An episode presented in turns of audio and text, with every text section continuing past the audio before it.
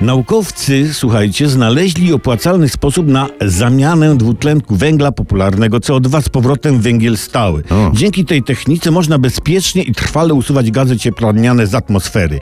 I tak widzę, no wzruszacie ramionami, po co on o tym mówi? Ech wy.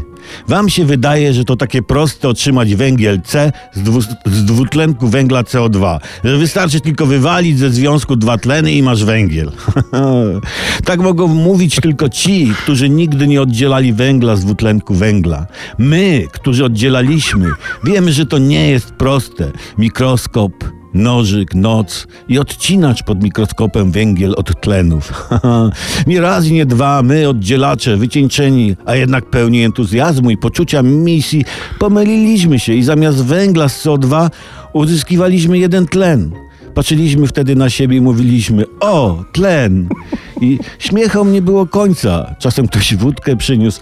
I to odkrycie odzyskiwania stałego węgla z CO2 pozytywnie, słuchajcie, wpłynie na energetykę i górnictwo. Tak, CO2 z elektrowni węglowych, ten gaz, czy, czy prywatnych pieców, zamiast w powietrze pójdzie rurami do urządzonka, w którym odzyska się stały węgiel. Ten węgiel zostanie przetransportowany na dół do kopalni i górnicy go sobie wydobędą. I tak w kółko. Dzięki temu systemowi energetyka oparta na węglu staje się eko, staje się hipsterska w kolorowych spodenkach, prawda? W kwiatuszki. Śląsk podtrzymuje swoje tradycje górnicze, górnicy nie tracą pracy. A będziemy to zawdzięczać komu? Nam, często anonimowym oddzielaczom węgla stałego. Cześć nam.